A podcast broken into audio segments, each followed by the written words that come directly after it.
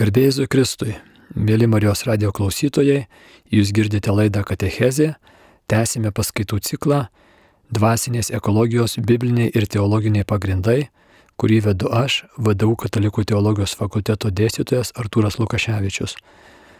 Taigi žvelgime į sielos sveikatą, lyginu sielą su kūnu, bibliniu požiūriu, žmogus yra kūno ir sielos vienovė, mes tą žinome, tačiau praktiniam lygmenį dažnai pamirštame, kad tas panašumas, analogiškumas tarp sielų ir kūnos yra didelis.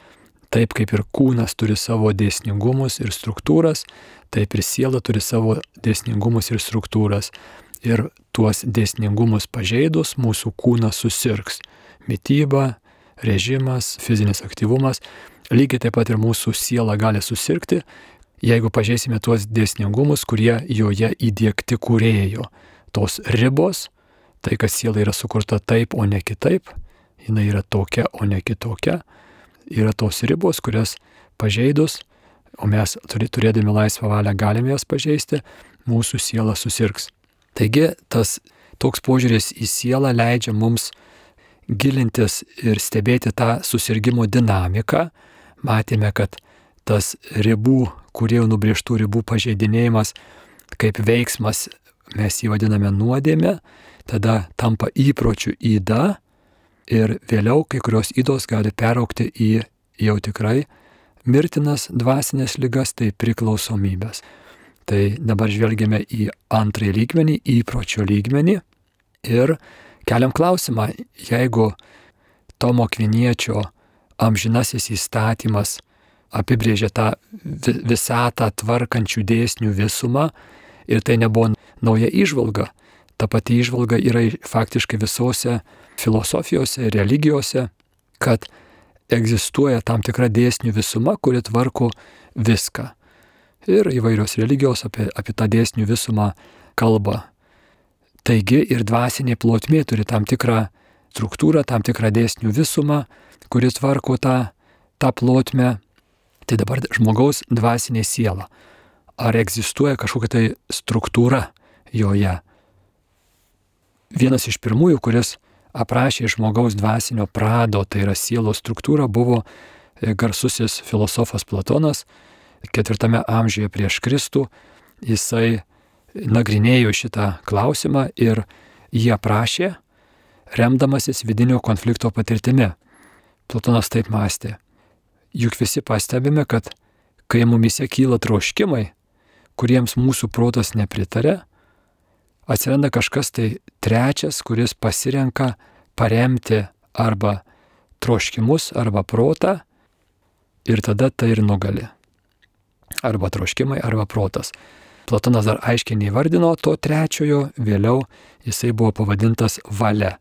Taigi, Kadangi mūsų dvasinė siela nėra tiesiogiai prieinama empiriniams tyrinėjimams, taip kaip mūsų kūnas yra, kur mes galim pro mikroskopą į jį žiūrėti ir jį išmatuoti ir patikrinti ir kitaip tyrinėti, tai mūsų siela tokiems empiriniams tyrimams nėra prieinama dėl to, kad jinai yra kitose dimensijose, jinai nėra trimatė, trimatės erdvės realybė, ir tos dvasinės dimensijos nėra tiesiogiai prieinamos mūsų moksliniams tyrimams. Bet mūsų dvasinė siela reiškiasi šitoj trimatėje erdvėje. Jis įvairiais būdais reiškiasi per mūsų kūną, per mūsų gyvenimą ir Platonas pagal tas raiškas išvelgia tuos tris tokius dvasinės sielos elementus. Ši paprasta trilypė sielos samprata plačiai paplito tame tarp ir krikščionybėje buvo plačiai naudojama aptariant sielos struktūrą ir sielos sveikatą ir tos sveikatos sutrikimus. Ši sielos struktūra reiškiasi per sielos galės. Taip pat ir daug psichologinių sistemų, psichologinių mokyklų iš esmės vienai par kitaip šitą trilypę sielos sandarą naudoja. Pavyzdžiui, Freudo asmenybės struktūros id, tie pirminiai poreikiai, instinktai, aistros, nesunkiai susijęjamos su troškimais Platono, ego, tas socialiai prisitaikęs funkcionuoti realiame pasaulyje aš su valia, o superego, moraliniai idealai galima būtų juos susijęti su protu. Tai tos sąsajos nesunkiai išvelgiamos. Tada Platonas nagrinėjo dėsningumus, kurių turi būti laikomasi siekiant, kad šios trys sielos sritys būtų sveikos.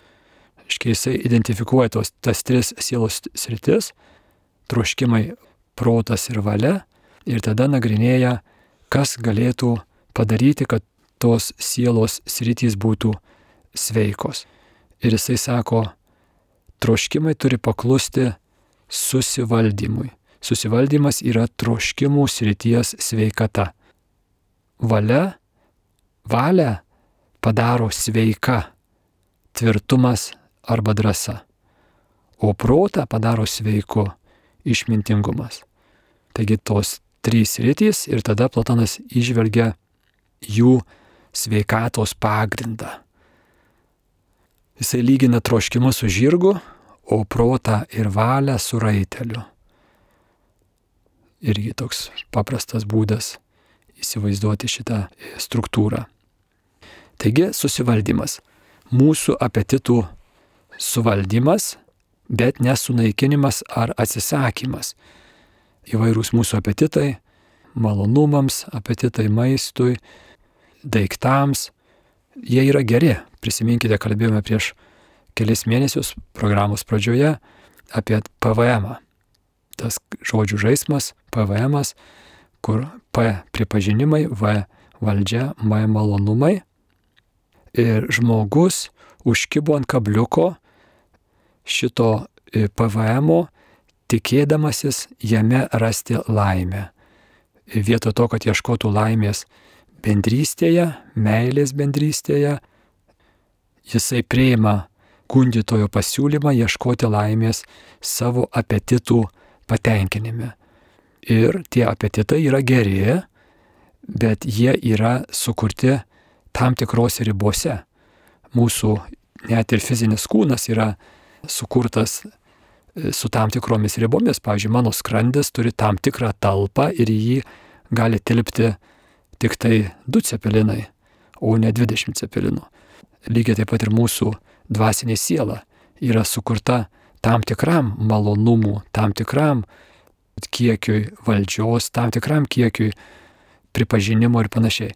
Bet puolė žmogus, nuo Dievo atsiskyręs žmogus, neturėdamas meilės, negebėdamas mylėti ir būti primti meilę, būti mylimam, jisai bando šitą meilės troškimo bedugnę užpildyti ribotais dalykais bando užpildyti pripažinimo valdžia malonumais, tačiau kadangi tie dalykai yra riboti, tai teks didinti jų kiekį, nes žmogui atrodo, kad truputį didesnis kiekis jau jį padarys laimingą. Ir šito keliu einant, tai yra tikrai kelias į savidestrukciją, sugriuvimą, savęs sugriuvimą. Ir Platonas labai aiškiai matė, kad reikalingas šių apetitų suvaldymas. Taigi susivaldymas, savikontrolė, saikingumas, saikas, santūrumas, nuosaikumas būtų visi e, tinkami žodžiai apibūdinti šią savybę, šią dorybę. Nesunkiai atpažįstate, kad, kad čia yra viena iš keturių pagrindinių arba kardinaliųjų dorybių.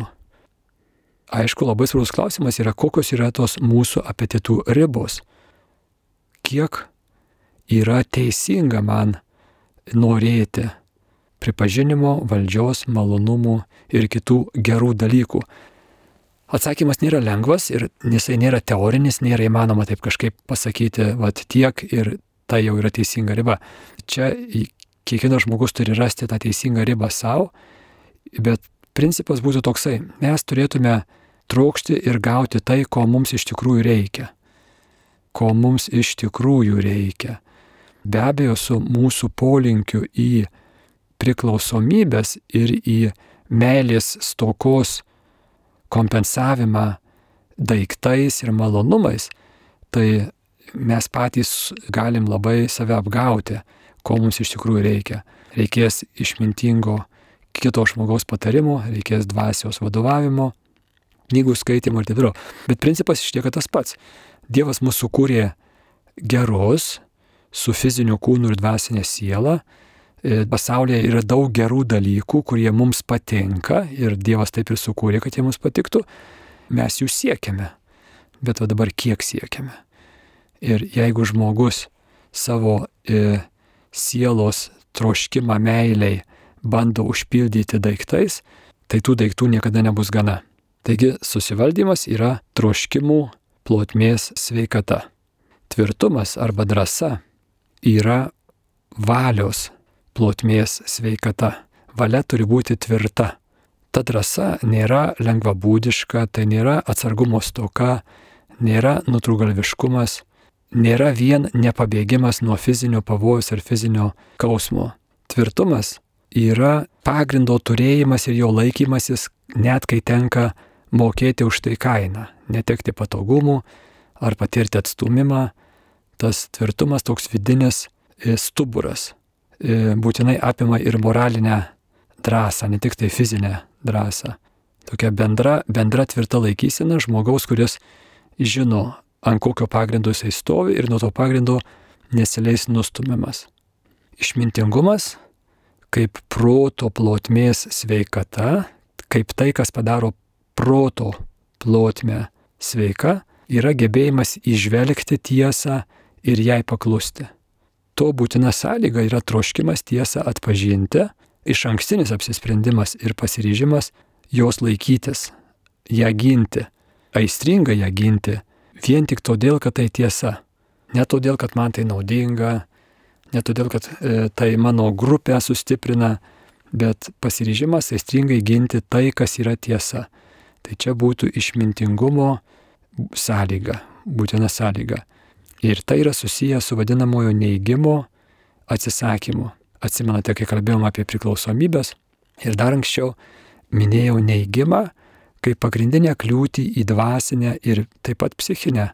Realybės neigimas yra kliūtis į bet kurį brandimą ir e, sveikimą. Lyginkime šį realybės neigimą su tuo giluminiu gundytojo pasiūlymu. Patys spręskite, kas yra gera ir kas yra bloga. Patys spręskite, kaip ten yra. Juk galima paneigti ir sakyti, ne taip nėra, nors akivaizdžiai yra kitaip. Kitaip sakant, neigimas, realybės neigimas buvo žalčio pasiūlymo centre. Jūs patys pasakysite, kaip dalykai yra. Nesiklausykite į būtį, nesiklausykite į kaip dalykai yra, o patys spręskite. Ir išmintingumas nėra gebėjimas įrodyti savo teisumą, kaip tik tuo metu, kai Platonas gyveno, e, truputį anksčiau, Graikijoje atsirado tokie iškalbos meistrai, kurie teismuose ypač darbavosi, e, vadinamieji sofistai, įtikinėjimo meno specialistai. Jų užduotis buvo apginti savo kliento poziciją, apginti savo klientą, apginti kurią nors poziciją, už kurią jie būdavo apmokami ir, ir jie tą e, darydavo savo iškalbos menu. Tai štai tai nėra išmintingumas, nes sofisto užduotis yra apginti kurią, bet kurią poziciją. Už tą poziciją, kurią jam bus mokama, jisai ją ir gins. Ir ši čia būtų priešinga kryptis negu išmintingumas. Išmintingumas žmogus, kuris turi šitą proto sveikatą ir ją brangina, jisai nesutiks ginti klaidingos pozicijos. Jam svarbu, kaip ten yra iš tikrųjų ir tą poziciją jisai aistringai gins, netgi jeigu reikės mokėti kainą ir tai bus jam asmeniškai nepatogu. Tai visiškai priešinga kryptis negu sofizmo.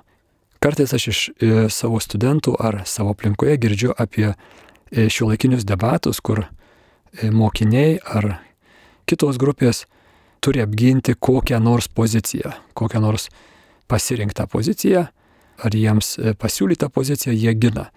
Ir man visą laiką būna kažkaip keista galvoti, kaip dabar galima ginti poziciją, kurią tu netiki kurią tu, arba kurią tu žinai esant klaidinga. Pavyzdžiui, jeigu būtų dvi pozicijos už abortus ir prieš abortus ir dabar tiesiog paimam taip, įsiskaičiuojam pirmais, antrais ir pirmi ginam už, o kiti prieš. Tai kažkaip man yra proto išniekinimas. Kažkaip turi būti protas dirbti, turi už tiesą, jisai turi įsimylėti tiesą, jisai turi aistringai kovoti už ją. O jeigu mes tik pasirenkam kažkuria tai bet kurią poziciją ir ją giname, tai čia kažkas tai yra e, labai su išmintingumo darybė besikirtančio. Taip pat išmintingumas nėra įsilavinimas.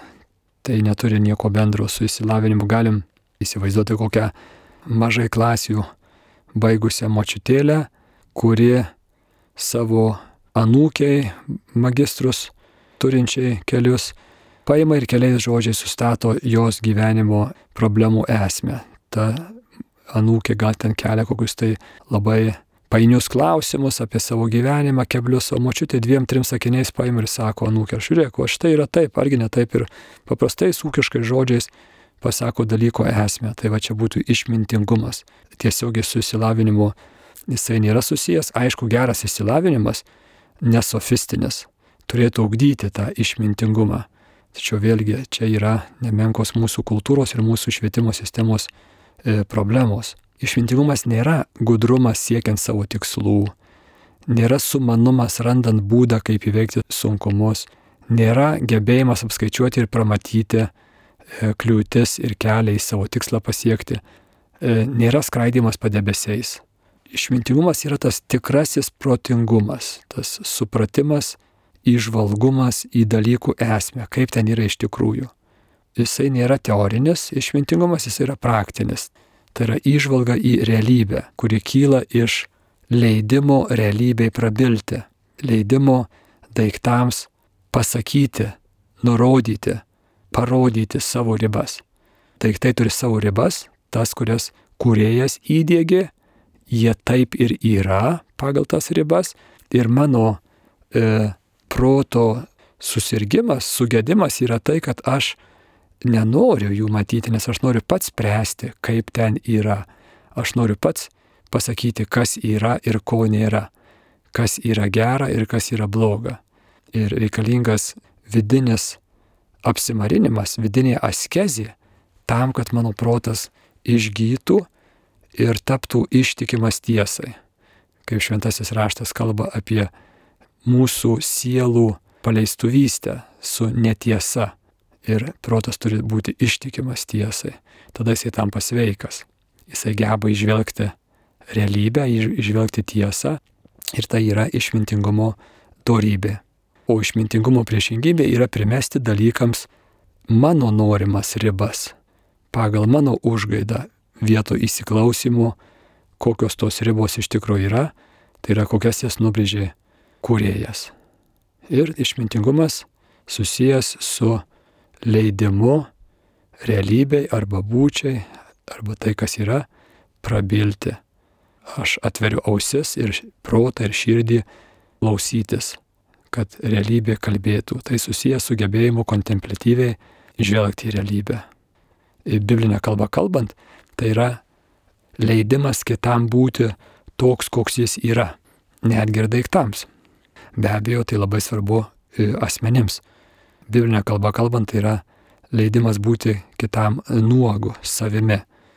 Labai svarbi e, sąlyga išeiti į bendrystę. Bendrystės sąlyga yra šitas leidimas kitam nesidėti kaukių, nevaidinti kažko tai kito, negu jis iš tikrųjų yra. Tai yra gebėjimas klausytis, kai daiktai kalba, nurodydami savo ribas. O aš pasiruošęs klusniai tas ribas pripažinti. Jeigu aš neturiu šito iš ankstinio nusistatymo klusniai pripažinti ribas, tai aš tų ribų ir nematysiu. Mano užgaidos užgoš mano proto gebėjimą išvelgti tiesą ir aš būsiu neįgime.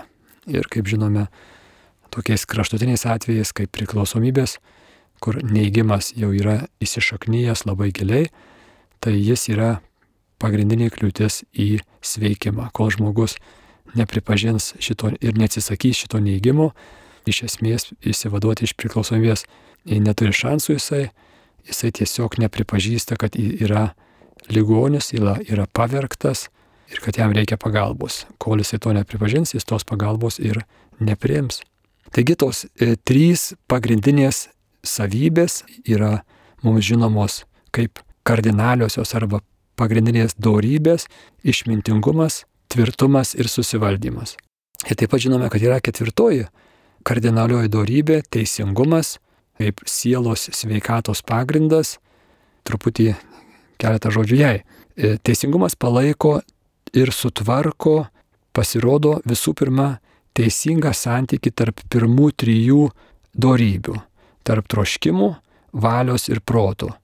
Taigi teisingumas pirmiausia yra asmens viduje, o tik vėliau to asmens santykė su kitais asmenėmis.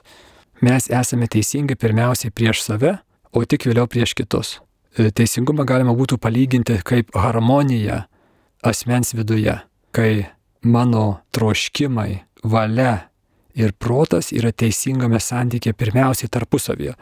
Ir galėtų atrodyti, kad, na tai bet kokio čia santykio reikia, tiesiog reikia kuo daugiau susivaldymo, kuo daugiau tvirtumo ir kuo daugiau išmintingumo. Ir bus labai gerai. Pasirodo, kad ne. Nes jeigu turėsime labai daug tvirtumo ir mažai išmintingumo, tai gali nuvesti į žiaurumą. Pagalvokime. Iškia labai tvirtas žmogus, bet stokojantis išmintingumo ir stokojantis empatijos, to, to tokio sujautimo, jis gali būti labai žiaurus, stipri valia.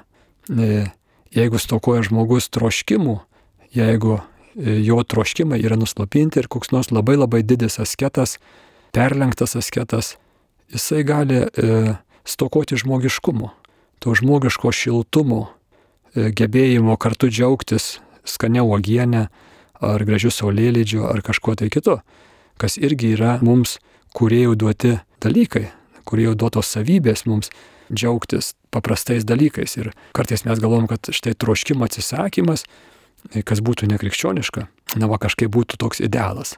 Ne, troškimai turi būti pastatyti į jiems priklausančią vietą ir labai svarbu, ypač štai šio laikinėme mūsų pasaulyje, kuriame gyvename, mums išmokti džiaugtis esamų momentų ir jame esančiais gerais dalykais, paprastais dalykais.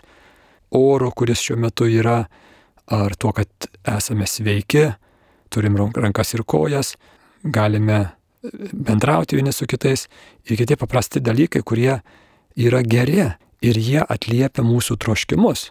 Tai štai troškimai yra ypatingai svarbi ta mūsų jūslinės, jūslinės būties, jūslinio prado, kurėjo mums duoto savybė įsišaknyjant esamame momente, įsišaknyjant tam čia ir dabar. Per troškimus, kurie labai kuklus yra ir atrodo tokie mažaverčiai, tie troškimai, vėlgi kaip paradoksaliai, e, kartais maži dalykai tampa svarbiausia, arba tie, kurie niekinami, paaiškėja, kad jie kitoje srityje jie yra patys reikšmingiausi. Kaip apaštalas Paulius savo laiškose kalba apie skirtingas kūno dalis, kurios atlieka skirtingas funkcijas. Tai štai mūsų troškimai yra tie, kurie labiausiai susiję su čia ir dabar. Mes per čia ir dabar matome, ragaujame, užuodžiame, girdime. Štai mūsų jūslys, mūsų, mūsų visas emocinis gyvenimas. Tai štai per šitą ypatingai sritį mes esame e, susijęjami su čia ir dabar, per tą vienintelį momentą esame susijęmi su Dievu, kuris yra O vienintelis momentas, kuris mums yra, yra čia ir dabar. Ir per troškimus vyksta mūsų sielos gydimas. Per troškimus, kuriuos aš nukreipiu į dabartį, vyks, vyksta mano puikybės, mano proto lakstymas, e, mano proto blaškimasis, ateities troškimai ir baimės, praeities nuoskaudos, įsivaizdavimai, iliuzijos ir troškimai teisingai panaudoti man padeda prisiklyjuoti, pradeda įsišaknydinti į čia ir dabar. Vieną puikią citatą norėčiau Jums pateikti Piterio Kryfto knygoje Grįžti prie darybių 64 puslapyje lietuviško vertimo yra labai stipri citata parodanti santyki tarp šitų keturių kardinaliųjų darybių - tarp teisingumo, tvirtumo, susivaldymo ir išmintingumo.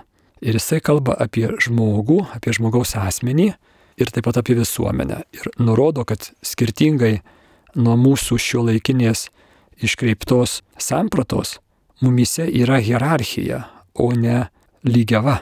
Taigi citata. Harmonijoje yra hierarchija, o ne lygiava. Kai pasaulis paklūsta žmogui, o žmogaus kūnas jo sielai, kai sielos apetitai paklūsta valiai, o valia išmintingumui, tai yra teisingumas. Kai hierarchija apverčiama, randasi neteisingumas. Protui nurodinėjanti valia - tai neteisybės pateisinimas ir propaganda.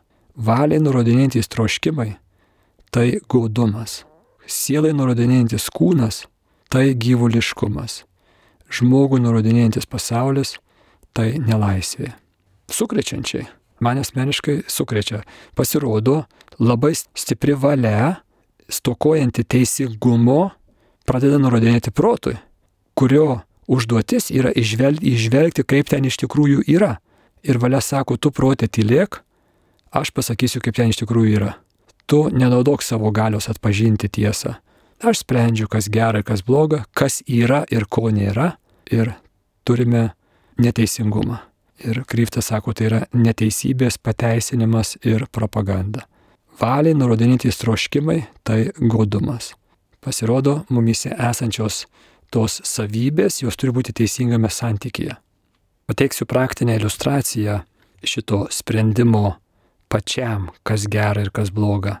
Junktinių valstybių aukščiausiasis teismas 1922 metais vienoje byloje, svarbioje byloje, palaikė moters teisę į abortą. E, kai ta, tas sprendimas buvo perskaitytas, jame buvo retai pasitaikantis filosofinis intarpas, kuris labai gerai iliustruoja šitą mūsų troškimą patiems spręsti, kas yra gera, kas yra bloga, patiems brėžti ribas, o neklausyti jau esančių ribų, kurias nubrėžė kūrėjas.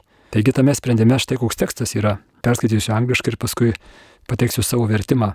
Tekstas gilus, nėra lengva jį tiksliai išversti, suprantamai, tai pateiksiu ir originalią versiją, ir lietuvišką.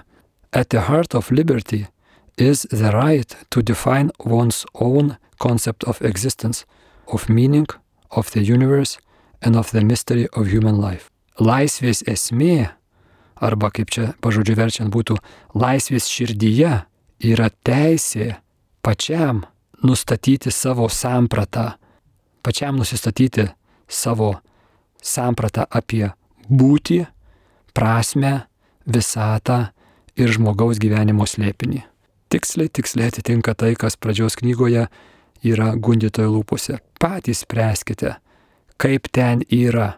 Neleiskite kalbėti dalykams už save, būčiai už save.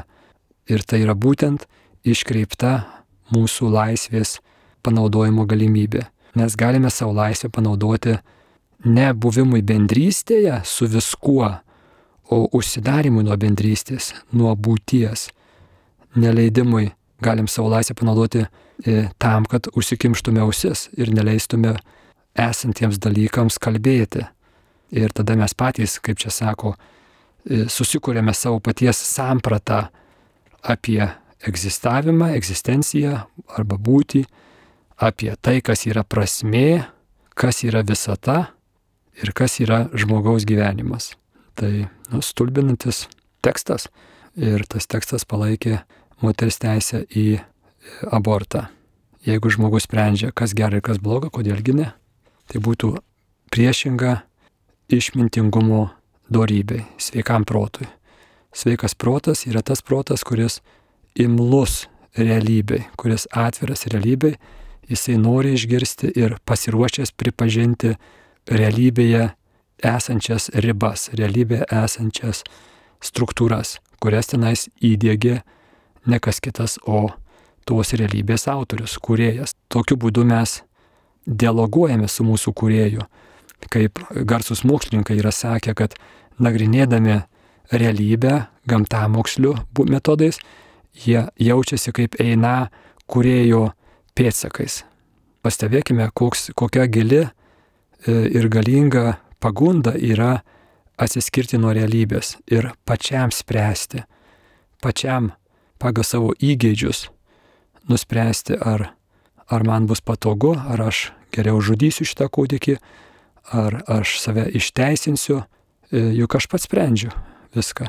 Tai pradedant nuo tokių didžiulių, e, didžiulę įtaką tūkstančiams ir milijonams žmonių padarysių sprendimų, kaip šis JAV aukščiausiojo teismo, e, baigiant mūsų kasdienybę, kur, kur žmogus apsisprendžia neiti į nepatogią realybę, o likti savo iliuzijose, e, nors tai ta iliuzija susijusi su priklausomybėmis, su vienatve ir panašiom bėdom.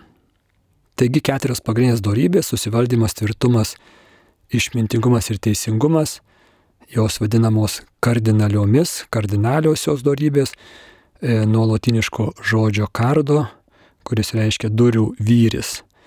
Ant tų vyrių sukasi visos durys. Nuo jų priklauso visi kiti dalykai.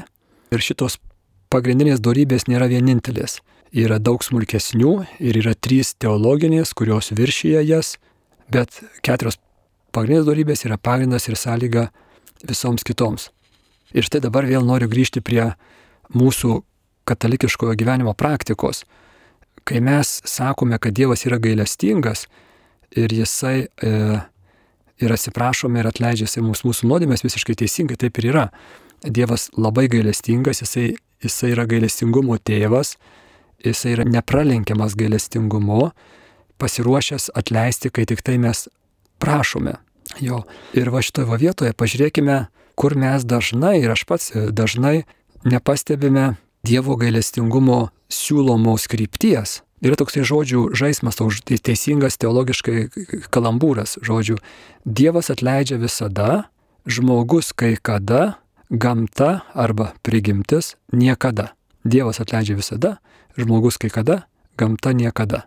Taip, Dievas, kai tik tai mes parodom bent menkiausią atsiprašymo, noro susitaikyti ženklą, jisai kaip tas gailestingasis tėvas iš palyginimo atbėga pirmas mūsų pasitikti ir apsikabina. E, tas yra tiesa visiškai. Bet prigimtis arba gamta arba natūra tai yra mano, mano viduj esanti, taip pat kaip ir mano išorė esanti. Jinai, jinai niekada, niekada net leidžia.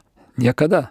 Jeigu mes užteršime upes ir jūras, tai mes galim kiek norim atsiprašinėti Baltijos jūros, tiesiog jinai yra užteršta. Jeigu mes atmosferą užteršime, vėlgi jinai klauso joje įdėktų e, fizikinių, cheminių ir kitokių dėsningumų. Tai lygiai taip pat ir mano viduje esančios struktūros, kurias aš sužaloju, kaip katekizmas sako, sužeidžiu per savo nuodėmę, jos lieka sužeistos.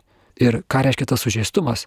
Tas jisai reiškia, kad aš negebu džiaugtis gyvenimu. Ir štai kai tas sunus palaidūnas iš gailestingojo tėvo palyginimo sugrįžta į tėvo namus ir tėvas jam atleidžia ir iškelia didelę puot, džiaugsmo puotą, mes nematome, kas vyksta toliau, bet tam sūnui palaidūnui reikės tėvo meilės šviesoje ir šilomoje besišildant, reikės susikauti su savo į blogais įpročiais, e, su savo priklausomybėmis, galim įsivaizduoti, kad jisai lėbaudamas su draugais ir švaistydamas tėvo turtą, jis galėjo įgauti blogų įpročių ir priklausomybių. Ir jos nedingsta automatiškai. Pastebėkime labai svarbų dalyką, kurį mes katalikai dažnai pražiopsom. Mes kažkaip užakcentuojam tą pirmąjį žingsnį, reikia gauti Dievo atleidimą ir mes jį gauname, pavyzdžiui, per išpažinti, Bet tai, kad tas atleidimas yra tik tai pirmas žingsnis. Kai sūnus palaidūnas sugrįžo į tėvo namus ir, ir jam buvo vėl užmautas ant rankos valdžią reiškiantis žiedas ir uždėtas geriausias apseustas ir apautos kojos, tai jo statusas buvo atitaisytas, bet jo siela neišgydyta. Jo sielos išgydymas bus jo paties atsakomybė. Lygiai taip pat kaip ir mūsų sielų išgydymas nuo mūsų priklausomybių, nuo mūsų įdų, nuo, nuo to, kas mums trukdo džiaugtis gyvenimo, yra mūsų atsakomybė. Ir reikės tam sūnui palaidūnui tėvo meilėje gyvenant, tą meilę įsileisti į savo sužeistą sielą ir tenais bus ką gydyti. Ir mes dažnai taip katalikai, aš taip kalbėdamas su žmonėmis ir į save patį žiūrėdamas matau, mes norėtume, kad Dievas tą padarytų tai Dieve aš jau atsiprašiau, tu man atleidai, ačiū, ir dabar aš eisiu pamiegoti, o tu mano charakterio įdas ir išgydyk kažkaip automatiškai. Pasirodo, kad ne. Kodėl ne automatiškai? Todėl, kad Dievas palieka mane, man laisvą valią. aš turiu savo laisvą valią, bendradarbiaudamas su jo malone, su jo pagalba, su jo jėga, eiti ir išlūkštenti, ir atrakinti, išpakuoti mano širdie esančius visokius surambėjimus, užkėtėjimus, užsiciklinimus, užsidarimus, visokiausias įdas, visokiausias traumas vaikystės. Ir, ir čia reikės mano darbo su Dievu malonė bendradarbiaujant.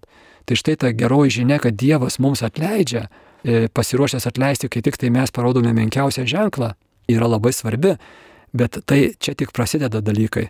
Dievo atleidimas reiškia štai ką, žmogau, aš esu tau prieinamas. Taip, tu mane buvai nuodėmė išvyjas, tu atsiprašai, aš noriai, džiugiai laimi, sugrįžtu į bendrystę ir, ir aš esu su tavimi. Tu esi mano artume, biblinė kalba kalbant. Ir dabar naudokis mano gale, mano beribę gale naudokis savo sielai gydyti ir tiesinti, kad ta siela vis didesniai bendrystėje su manim galėtų būti. Su manim ir su artimu. Ir kad ta siela vis išsitiesintų ir išgytų ir pradėtų funkcionuoti sveikai ir teisingai, kad tu būtum laimingas, kad, kad tu galėtum džiaugtis gyvenimu. Kai žmogus, tarkim, alkoholizmo priklausomė turintis, nueina iš pažinties ir jam Dievas atleidžia, bet ta priklausomybė paprastai nėra pašalinama. Yra stebuklų, esu girdėjęs, bet paprastai ta priklausomybė lieka ir žmogui reikės e, su ją kovoti, naudojantis Dievo pagalba ir gale, bet pačiam reikės žmogui pačiam kovoti su ta didelė nelaimė. Tai labai kreipiu jūsų dėmesį, nes va šitoje vietoje aš kiek, kiek dirbu ir kiek uh, pats gyvenu dvasinį gyvenimą, pastebiu, kad ko gero mes šitoje vietoje padarome klaidą ir kažkaip nematome, kad, kad mano laimingumas, mano gebėjimas džiaugtis gyvenimu tiek šioje žemėje, tiek po mirties gyvenimu iš didžiosios raidės priklauso nuo mano, mano sielos sveikumo, nuo mano sielos gebėjimo gyventi, būti bendrystėje su viskuo, kas yra. Tai reiškia džiugiai pripažinti dalykų ribas, leisti dalykams prabilti į mane, ne pačiam spręsti, kaip ten yra, pačiam spręsti, kas reikštų užtildyti dalykus, neleisti jiems kalbėti ir užsidaryti monologę su pačiu savimi, kas ir būtų ta egoisto vienatvė pragaras. Bet čia mano atsakomybė yra su Dievo malonė bendradarbiaujant, gydyti savo sielą ir tiesinti joje esančius kreivumus ir ugdyti tas savybės, kurios įgalina ją būti artimoje komunijoje, bendrystėje su viskuo kitu, ypač visko kuriejų Dievu. Tai ir būtų dangus, į kurį mes esam pakviesti, turim pakvietimą, bet kelionę nukeliauti reiks mums patiems. Tai šitoje vietoje baigsime. E, ačiū už Jūsų dėmesį. Girdėjote paskaitą iš ciklo Dvasinės ekologijos bibliniai ir teologiniai pagrindai, kurią skaičiau aš, vadovau Katalikų teologijos fakulteto dėstytojas Artūras Lukaševičius. Likite sveiki.